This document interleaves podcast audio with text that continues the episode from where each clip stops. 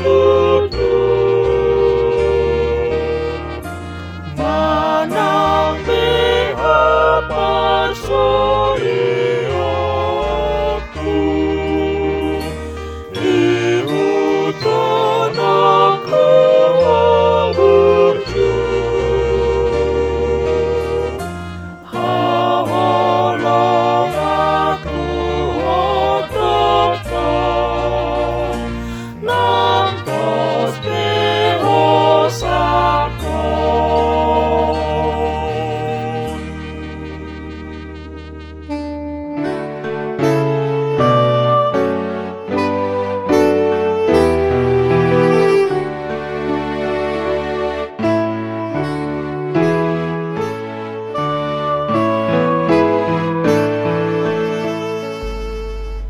Renungan Harian HKBP Rawamangun Ikut Laku Rabu 25 November 2020 dengan tema Mahkota Kebenaran bagi orang yang setia pada Tuhan.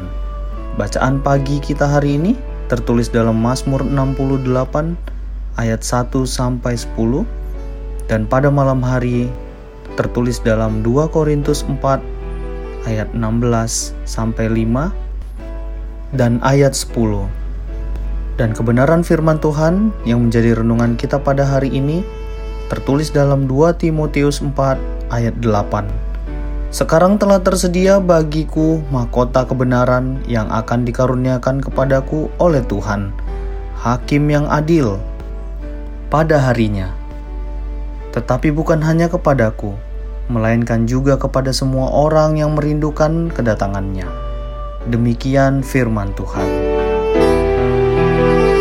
Pohon yang baik akan menghasilkan buah yang baik, sedangkan pohon yang tidak baik menghasilkan buah yang tidak baik pula. Kita semua berharap bahwa akhir kehidupan kita akan baik, maka masa hidup yang kita jalani kini merupakan kesempatan untuk memperbaikinya agar terarah pada maksud dan tujuan Tuhan saja yang telah menjadikan kita. Rasul Paulus menuliskan suratnya kepada Timotius ini di mana ia merasa akhir hidupnya sudah dekat. Waktu itu dia sedang diadili di Roma dan telah menjalani pemeriksaan. Ia diadili karena pemberitaan Injil dan ia tahu bahwa sebentar lagi ia akan dihukum mati. Paulus memang tidak selalu disenangi orang-orang lain dan tidak selalu mengalami hal-hal yang menyenangkan dalam melayani dan memberitakan firman Tuhan. Ada penolakan di dalam melayani, tetapi ia tetap setia untuk selalu menyenangkan hati Tuhan sampai akhir hidupnya. Perjalanan hidup kita suatu hari akan berakhir. Untuk itu, marilah kita senantiasa memelihara iman dan mengakhirinya dengan baik. Sebagai orang yang percaya, yang telah diselamatkan, kita harus mematuhi perintahnya, taat dengan penuh kesetiaan kepadanya. Jadi, ketika kita menanggung pencobaan, kesakitan, pergumulan, dan kesengsaraan yang datang menimpa kita, dengan kekuatan dan kasih Tuhan, maka kita akan bisa terus bergerak maju. Dengan mata yang selalu tertuju kepada Yesus, maka akan memimpin kita menuju kepada kesempurnaan iman untuk menerima mahkota kehidupan yang sudah menanti kita. Mari kita berdoa. Ya Allah Bapa, ajarilah kami untuk senantiasa melayani Tuhan dan hidup di dalam Tuhan sampai akhir hidup kami.